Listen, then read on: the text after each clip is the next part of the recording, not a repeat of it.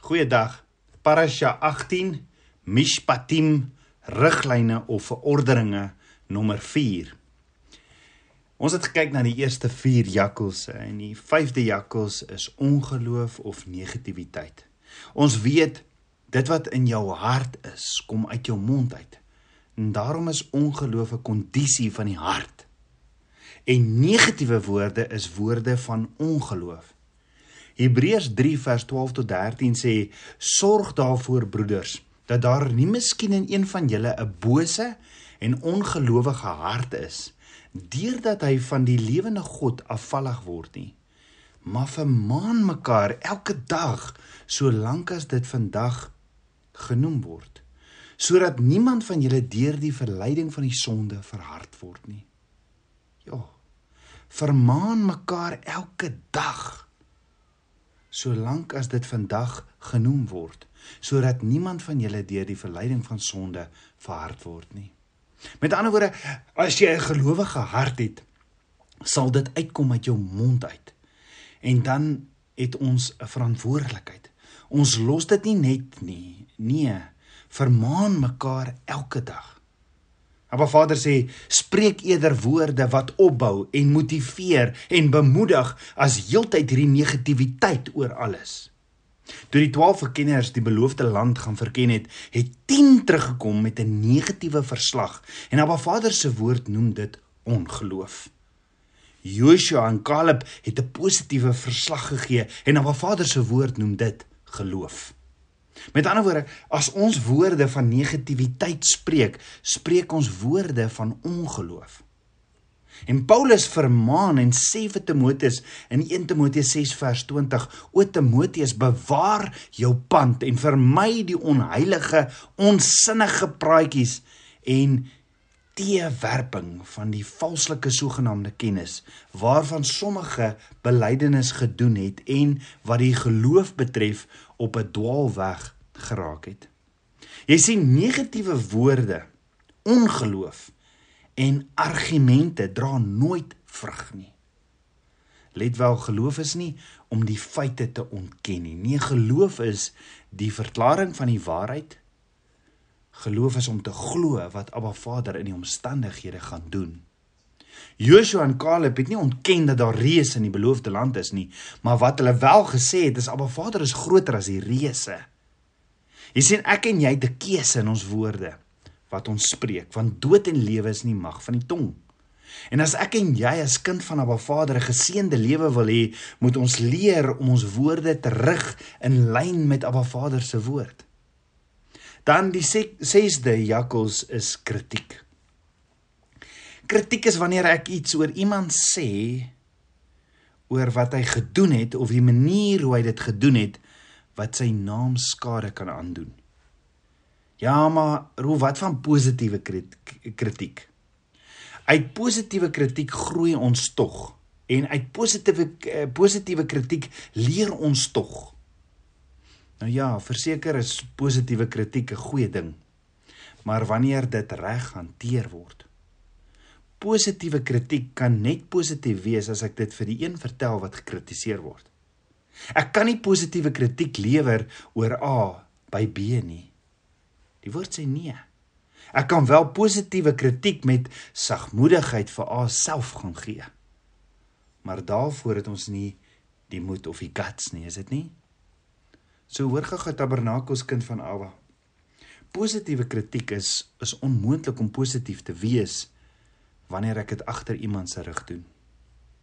Kritiek wat mense seermaak en wat mense afbreek agter hulle rug, leer die woord ons is uit die put van die hel. En jy sien wanneer jy met 'n met 'n kritiese gees rondloop, raak jy krities teenoor almal en sommer oor alles. Ek het 'n opinie en 'n sê en is krities oor alles. Ons kan nie so krities raak teenoor mense of dinge en en Papa God sê, dan is ons fokus soos 'n jakkals op dit wat verkeerd is en dit wat dood is. Daar's hierdie storie van twee vriendinne besig in die kombuis en kyk toe by die venster uit en sien hoe die buurvrou besig is om wasgoed op te hang. Die een vrou sê toe: "Sjoe, kyk hoe vuil is haar wasgoed nog wat sy ophang." En gaan verder en sê dit is mos iets van jou karakter as jy was goed so half was dan nie.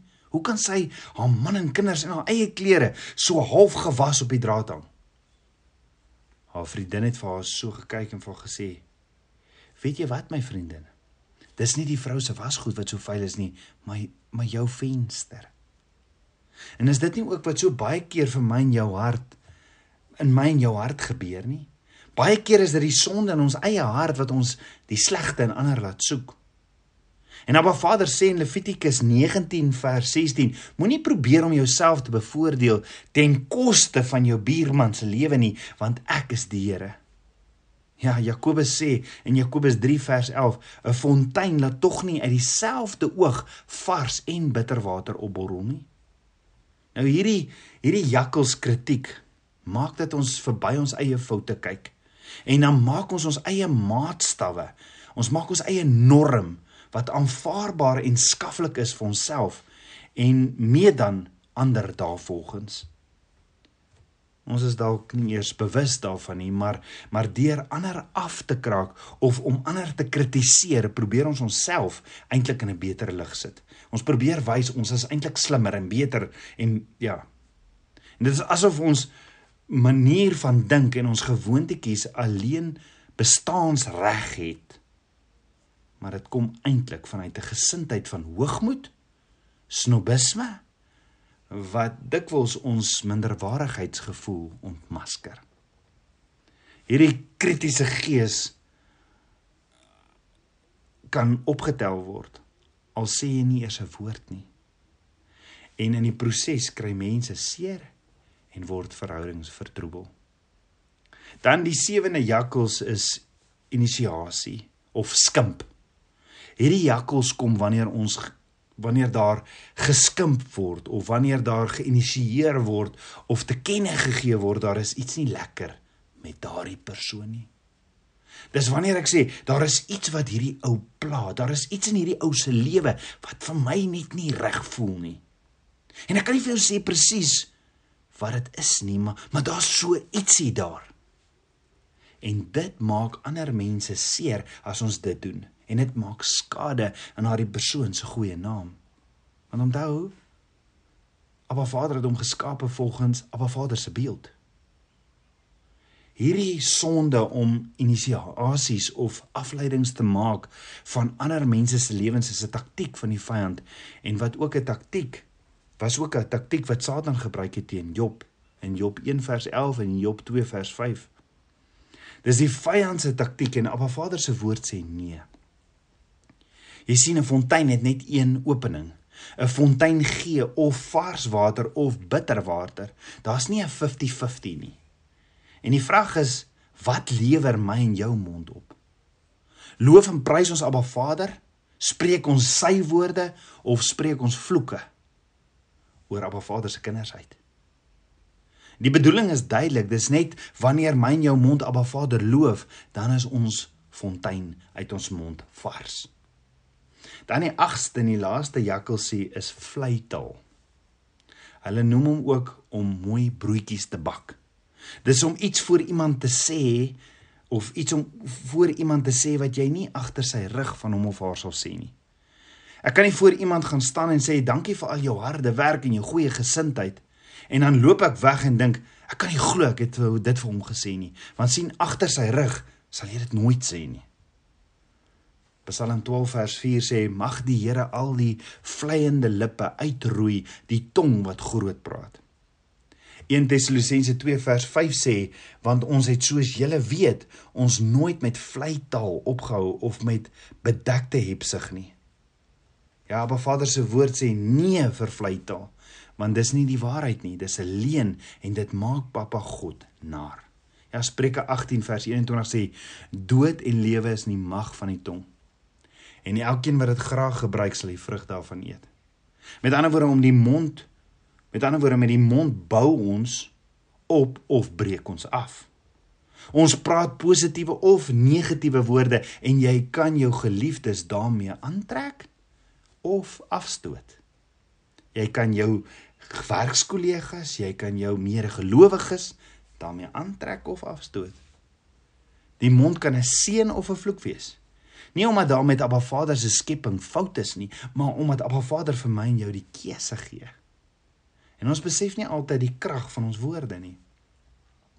Elke woord wat ek en jy praat, is 'n potensiële saadjie wat gesaai word. Hoe die saadjie groei en wat die saad voortbring, hang alles af van van hoe ek en jy dit gebruik. Saai. Wanneer ek negatiewe saad of woorde saai, sal 'n negatiewe sal ek 'n negatiewe oes hê. Wanneer ek egter positiewe saad woorde saai, sal ek 'n positiewe oes hê. Maar wat baie belangrik is, is waar jy jou saad kry wat jy saai. Ja, 1 Petrus 4 vers 11 sê: As iemand spreek, laat dit wees soos woorde van God. En laat ons nie moeg word om goed te doen nie, want op die regte tyd sal ons maai as ons nie verslap nie. Galasiërs 6 vers 9. Ons moet egter voortgaan om om ons vol te maak met Abba Vader se woord, want waar die hart van vol is, loop die mond van oor. Want uit die oorvloed van die hart praat die mond, Matteus 12 vers 34. Deur Abba Vader se woord te praat, vervang ek mos die negatiewe met die positiewe. Ek laai saad van Abba Vader met my mond en deur Abba Vader se deur Abba Vader se woord te spreek, vervang ek siekte met genesing, tekort met oorvloed, vrees met geloof, ja, smarte met vreugde en wanhoop met hoop. Hoor gou-gou. Ons woorde bepaal die vrug wat ons dra. Dit is die oes wat ons maai. Elke woord wat Yeshua gepraat het was gevul met sy geloof en het krag gehad. Yeshua het vir die vyeboom gesê, hy sal nooit weer 'n vrug dra nie. En die boom het onmiddellik verdroog. Matteus 21 vers 19. Vir die storm op die see sê Yeshua swyg, wees stil en die wind het gaan lê en daar het 'n groot stilte gekom. Markus 4 vers 39. Yeshua se woorde het vandag nog dieselfde krag as wat dit gehad het die oomblik toe Yeshua dit gespreek het. So wanneer ons dus Abba Vader se woord praat en dit glo, skop daardie selfde krag van Yeshua se woorde in aksie. En die vraag is net, hoe kan ek en jy sê wat Abba Vader sê as ek my nie met sy woord volmaak nie? Ek en jy het nodig om ons met die woord van Abba Vader vol te maak. Van daarin lê my krag en oorwinning. In wiese diens gaan ek en jy vandag ons mond stel? Wie se diens gaan jy jou mond stel? Of wie se saad gaan jy saai? Kies Abba Vader se woorde en kom ons gebruik ons mond om ander te seën en bo alles om Abba Vader te verheerlik. Soos toe jy soos ek maar met jou mond. Kom ons vra vir Abba Vader 'n Jesaja ondervinding. Want Jesaja 6 vers 5 tot 6 sê: "Toe het ek gesê: Wee my, ek is verlore, want ek is 'n man onrein van lippe en woon onder 'n volk wat onrein van lippe is, want my oë die koning, die Here van die leerskare gesien." Maar een van die serafs het na my toe gevlieg met 'n gloeiende kool in sy hand wat my met 'n tang van die altaar wat hy met 'n tang van die altaar afgeneem het en my mond daarmee aangeraak en gesê kyk dit het jou lippe aangeraak en jou skuld is weg en jou sonde versoen. So mag Abba Vader ons monde kom aanraak en mag ons Abba Vader se woorde spreek. Mag ons lewe spreek. Kom ons begin vandag. Kom ons kies om lewe te spreek oor ons situasies, oor jou huwelik, oor jou kinders. Want daar's mag in my en jou tong. Kom ons spreek lewe oor jou werk oor jou mede-kollegas, oor jou mede-gelowiges. Want daar is mag in my en jou tong. Kom ons bid saam. Aba Vader, skieper van my hart, Vader, ek loof en prys U. Vader, vandag wil ek soos hierdie Samson, hierdie jakkalsies, hierdie 8 jakkalsies in my lewe en in ons geestelike families, die kerk se sterkte wil ek aan mekaar kom bind met 'n brandende fakkel wil ek dit aan die brand steek. Genoeg het hierdie jakkalse gesteel en kom verwoes. Vader, ek kies vandag om hulle te te staan in Yeshua se naam. Vader, met my mond wil ek wil ek net Yeshua spreek. Kom was my met die waterbad van die woord. Kom raak my mond aan. Maak raak hierdie onrein lippe aan en kom leef in my. Meer en meer van U. Maak my so bewus van elke woord en ek kies om lewe te spreek, Ruach HaKodes, Heilige Gees. Meer en meer van U, Abba. Ek bid dit alles in Yeshua Messie se naam, die seun van Jahweh. Amen. Shalom.